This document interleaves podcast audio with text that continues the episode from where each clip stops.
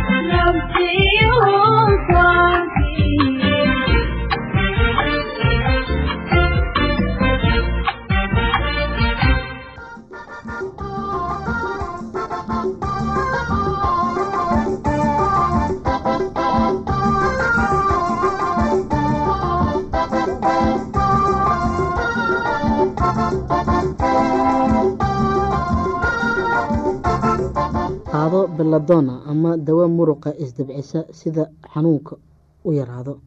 Dawooyinka xoog badan oo kuwa xanuunka jebiya ayaa inta badan loo baahan yahay. Sbriinka wuxuu u badan yahay inuu waxba ka tarin. Haddii qofku xumad leeyahay waa inuu qaataa tetracyclin ama ambasliin ha cunin cunto subag badan. Cunto subag badan dadka aada u burburin. Waa inay cunaan cuntooyin yaryar oo ay miisaan lumiyaan dhibaatooyinka aada u xun ama tegi waaya u doono gargaar dhakhtarnimo. Marmar ayaa laga yaabaa in qalid loo baahdo. Ka hortegideeda dumarka aada u buuranin waa inay miisaanka ridaan iska ilaali cuntada macaanka iyo tan subaga leh oo waxba ha cunin. Cadhada. Dad qaar ayaa waxay qabaan in cadhada xumi ka timaado dacarta badan. Runta waxaa weeye dadka cadhada badan badidoodu waxba kama qabaan xameytida dacarta. Waa caadi hase ahaatee dadka cudurka xameytida hayaa haddii ay goor had iyo goor baqdin ay ku nool yahay ay ka baqayaan in xanuun xumi ku soo noqdo sidan daraadeed way cadho dhow yihiin ama goor walba waxay ka warwaraan caafimaadkooda. Geerida oo la ogolaado sida qaalibka ahi dadka da-da si ka weyn sida dadka loo jecel yahay ayay ugu diyaar yihiin inay ogolaadaan geerida ku soo socota inta badan. Waxaynu isku daynaa inaynu qofka noloshiisa dheereyno inta aan kari karno. Wax kasta hanagu qaadato marmar dhibaatadii haysay qofka iyo reerkiisa. Way sii kordhisaa marmar badan ayaa jira oo sida u raxmada badan ee aanay ahayn in labadii doono dhakhtar in la baadi doono dhakhtar ama dawada ugu wanaagsan ee ay tahay in lala joogo ee la taageero qofka dhimanaya xusuusi inaad ku faraxsan tahay waqtigii wanaagii iyo dhibaatadii aad soo wada marteen iyo inaad ogolaan karayso dhimashadiisa. Saacadaha ugu dambeeya jacaylka iyo ogolaanta geerida ayaa dawo kasta uga wanaagsan. Dadka da-da ahi bukaanka ku raagay waxay jecel yihiin inay gurigooda joogaan oo ay meesha ay garanayaan iyo dadka ay jecel yihiin ay ka doortaan cisbitaalada marmar waxaa laga yaabaa in tani soo dad qofka geeridiisa hase ahaatee goor walba ama xumo in ay tixgeliyaan qofka dareenkiisa iyo baahidiisa iyo kuwiinaba marmar ayaa qofka dhimanaya. Waxaa dhibaatadiisa kordhisa ogaanta uu ogyahay lacagta ku baxaysa sin in nafta uga sii jirto oo ay sabab u noqoto reerkiisa ama ogolaadaan ama caruurtiisa oo gaajooto. Waxaa laga yaabaa inuu doono inuu iska dhinto. Waxaa jira marmar ay hagaagsan tahay dad badan sida aada geerida uga baqa. Xataa hadday dhibaato qabaan dunida ay yaqaaniin ma jecla in ay ka tagaan dhaqan kasta ama dhismaha dhimashada. Waxbuu ka haystaa iyadoo nolosha ka dambeysa dhimashada. Diinta ay laga yaabaa inay qofka raaxo siiso marka ay geerida qofka ku soo dhowdahay. Geerida qofka kadisay ugu iman kartaa waa in badan ayaa la sugaa sida oo ugu diyaar inay qofku uu aada u jecel yahay geeridiisa soo socota oo arrin howl yar ma aha. Inta badan waxa uu qabaa wuxuu qaban karaa waa taageero ama raxmad garasho ayuu diyaar u ahaadaa. Geerida qofka yar ama carruurta weligeed ma howl yara raxmadda iyo daacadnimada waa laga mamaarmaan dhageystayaasheena qiimaha iyo qadarinta lahu waxaa halkan noogu dhammaaday barnaamijkii caafimaadka. Waa shiina oo idin leh caafimaad wacan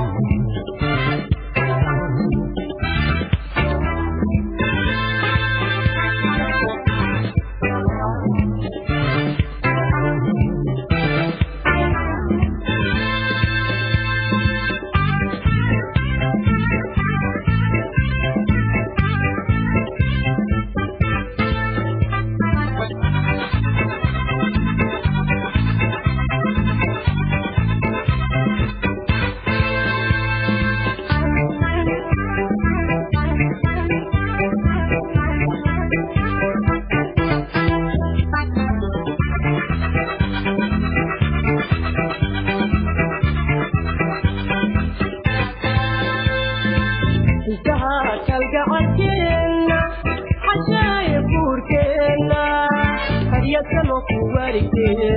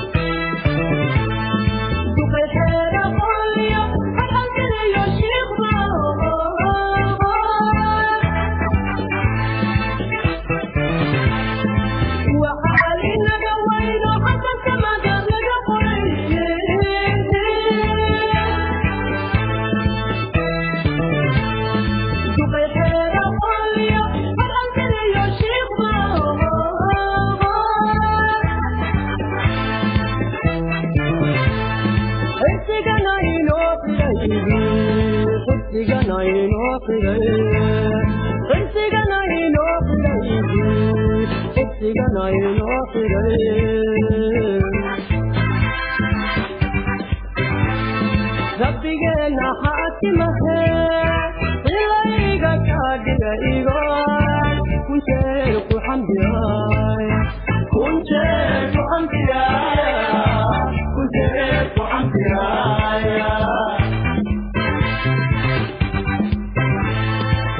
rabbigeena xaakimahe xilayga kaadhiga igaan kunjeer ku xamdiyaaya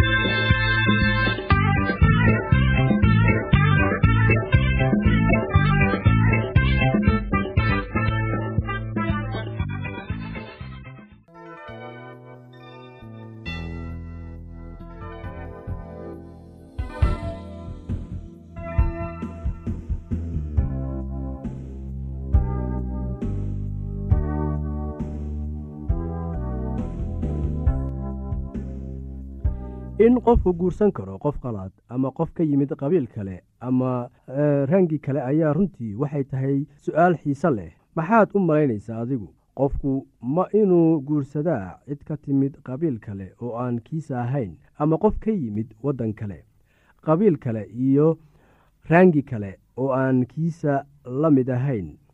Waxaan uga dan leeyahay midab kale aan kiisa ahayn maadaama ay baryahatan sii kordhayso xurgufta dhex taal dadka kale ka kala yimaada waddamo kala duwan leh dhalasho kala duwan ama qabiilo kala duwan sida caadiga ah sidee baad u aragtaa guurka ka dhex dhacaya labada qof oo aan isku qabiilka ahayn ama aan isku midabka ahayn? Bini'aadamku miyuusan isku mid ahayn iyadoo aan loo egin qabiil midab ama dhalashada qofka baryahatan ardo badan oo leh dhalasho kala duwan qabiil kala duwan ama midab kala duwan ayaa wada xidhiidha sababtaas awgeed dadka isguursada oo ka kala yimid qabiilo kala duwan ayaa baryahatan haddaba waxaa ka imaan kara haddii dad kala yimid qabiilo kala duwan isguursadaan. Haddii si loo fiiriyo waxay noqonaysaa in qofku jebiyey xiriirka uu dhaqanka ahaa ee reerka ilaa muddo oo uu reerkiisa jiray. Waxay sababtu uu qofku isaga ah u doortay qofka ka yimid qabiil iyo dhaqan kale oo aan kiisa ahayn. Waa maxay sababta ay u dooratay ama uu u doortay inuu ka guursado qof qalaad iyada oo ay khatar kaga imaanayso reerkeeda? Saaxiibadeeduna dacaayadeynayaan.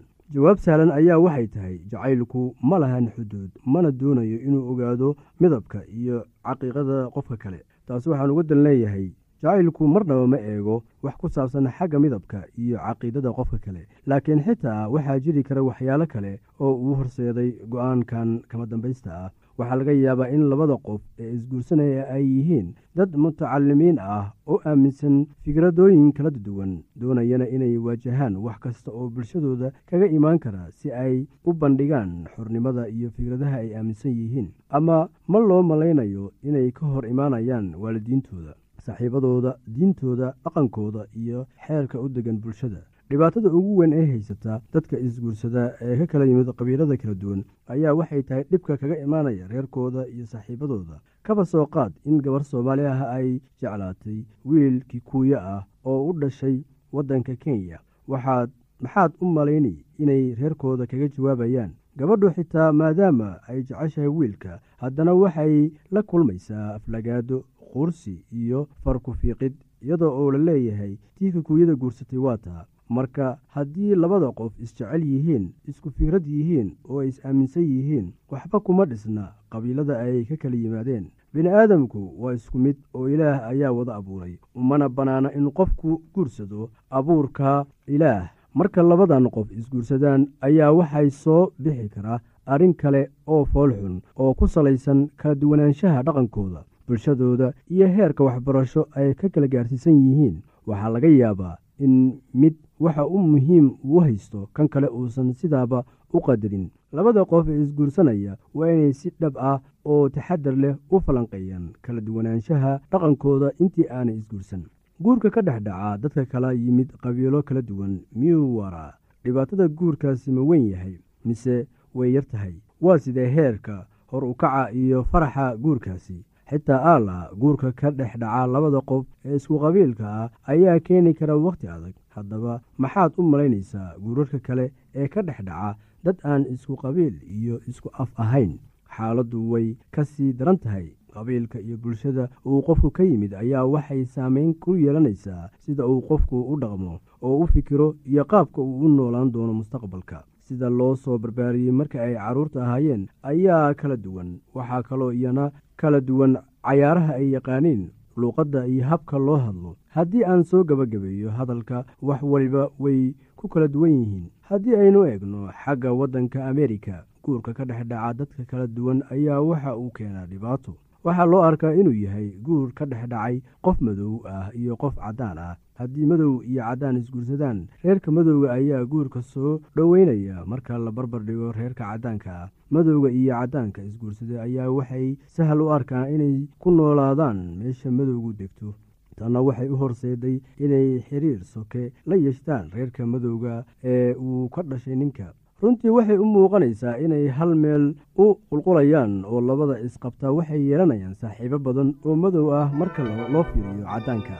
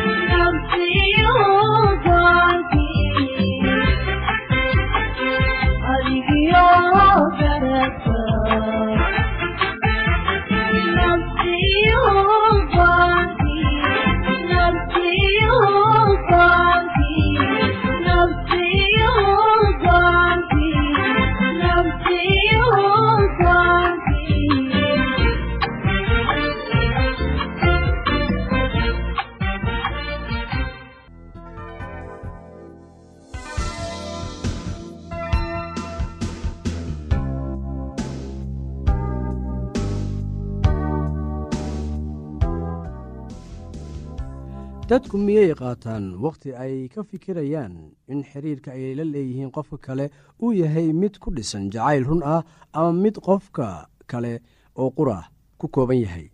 Xiriirkii ku dhisnaa afka keliya markii uu dhammaado sida caadadu tahay uu dhammaanayo markaasay dadku dib u eegaan oo isku yidhaahdaan runtii wax inaga dhexeeyey qofkaasi maba jirin. Wakhtiga ayuunbaan iskaga dhammaynayay hase yeeshee dareenkii ayaa wax loo dhimay. Wadna xanuun iyo madax xanuun ayaa qofkii ku dhacay. Noloshiisii qiimaha lahaydna waa lagu ciyaaray. Hoos waxaa ku qoran liis tusaalooyin ah oo kugu caawin kara bal inaad eegtid in xiriirka aad la leedahay qofka aad guursan rabtid uu yahay mid dhab ah iyo in kale. Jacaylka si tartiiba ayuu u koraa laakiin kan beenta ah si deg deg ah ayuu ku koraa jacaylku wuxuu koraa koritaankana wakhtigii ayuu qaataa. Taas waxaan uga dan leeyahay jacaylka si tartiib ah ayuu u koraa laakiin kan beenta ah si deg dega ayuu u koraa. Jacaylka wuu koraa koritaankana wakhti ayuu qaataa. Jacaylka beenta ah waxa aad ku garataa islamarkiiba ayuu ku haleelaa. Dhowr jeer oo aad qofka kulanteen kuma baran kartid waxaa laga yaabaa in qofka markii ugu horreysay uu si fiican u dhaqmeeyey aalaana dadka sida ayay sameeyaan marka ay qof cusub la kulmaan. Qofka waxa uu iska helayaa mid wanaagsan oo dabeicad fiican leh. Marka hore oo haddii ay wax cara ah ku dhalato wuu qiranayaa. Sababtan awgeed waxa ay qaadanaysaa bilooyin ama xitaa sanooyin si aad qofka si wanaagsan u baratid.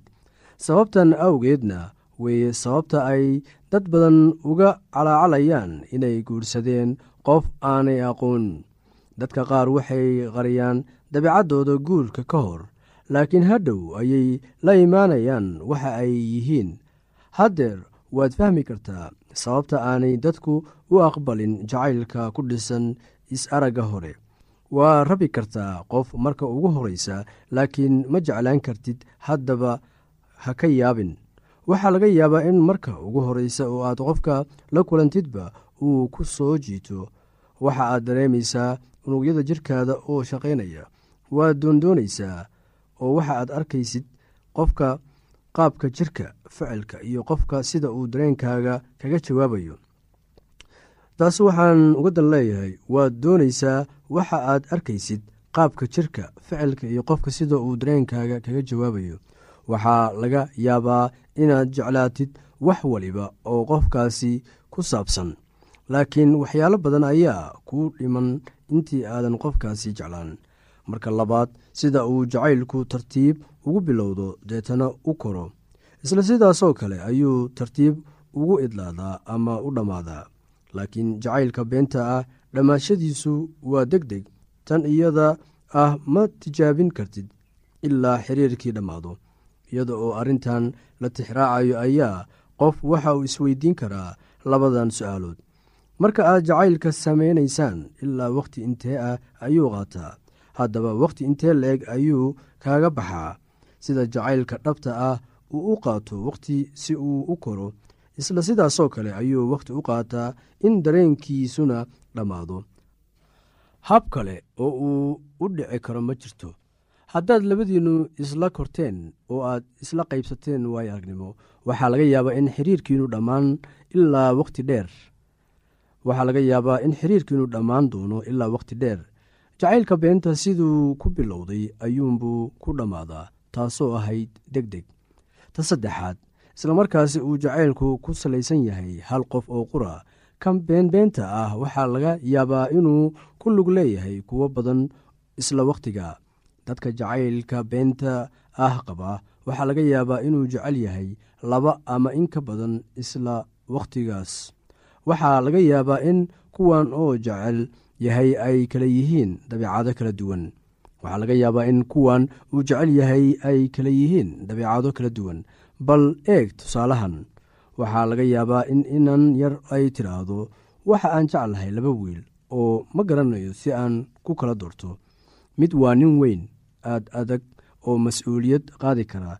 Kan kalena laakiin waa mid aan mas'uuliyad qaadi karin raaxo jacayl oo xoolihiisa ku ciyaara. Waxaa dhici karta in inantan yar aan jeclayn labadooda midna. Jacaylka dhabta ah waxa uu ku salaysan yahay hal qof kaasoo xambaarsan dooqii aad ku dooratay oo muhiimadda siiyey. Jacaylka waxa uu abuuraa dabeecadda wanaagsan laakiin kan beenta ku dhisan waxa uu keenaa baaba jacaylku waa inuu ka soo saaraa qof wanaagsan. Jacaylku waa inuu kaa soo saaraa qof wanaagsan. Waxa uu ku siinayaa awood cusub ahmiyad iyo xagga noloshaada. Midda afaraad jacaylku waxa uu abuuraa xirfad iyo xiisad ku salaysan ka koridda xagga dhaqaalaha. Jacaylku waxa uu ku horkacaa horumar.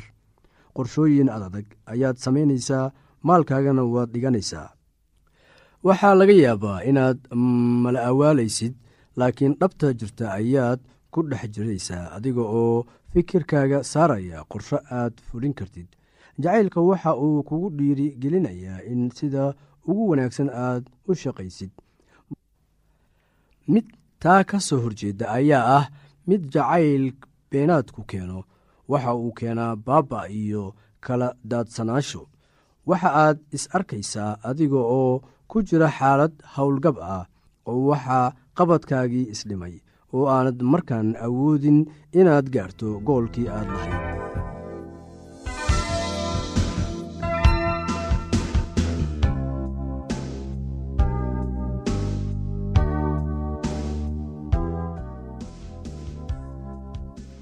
haddii aad qabto wax su'aalaha fadlan inala soo xiriir. Ciwaankeenna waa radio somaly at yahu dt com. Mar labaad ciwaankeenna waa radio somaly at yahu dt com. Barnaamijyadeena maanta waa naga intaas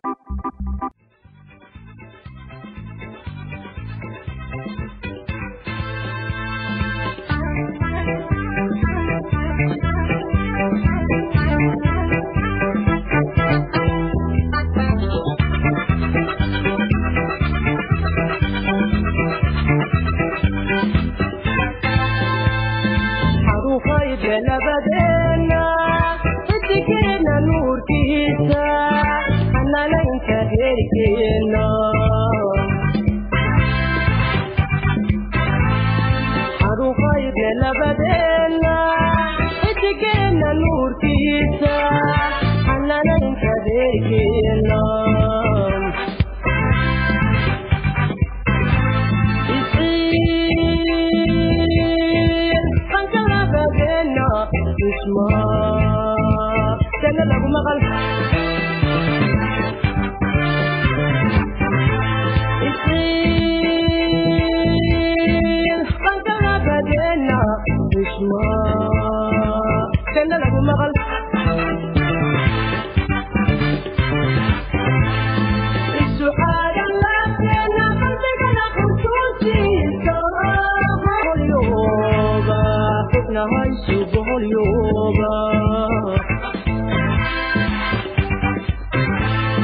rabbigeena xaakimahe ilayga kaadiga iban kuntee ku xamdiyay kuntee ku xamdiyay kuntee ku xamdiyay rabbigeena xaakimahe ilayga kaadiga iban kuntee ku xamdiyaya جيت وعندي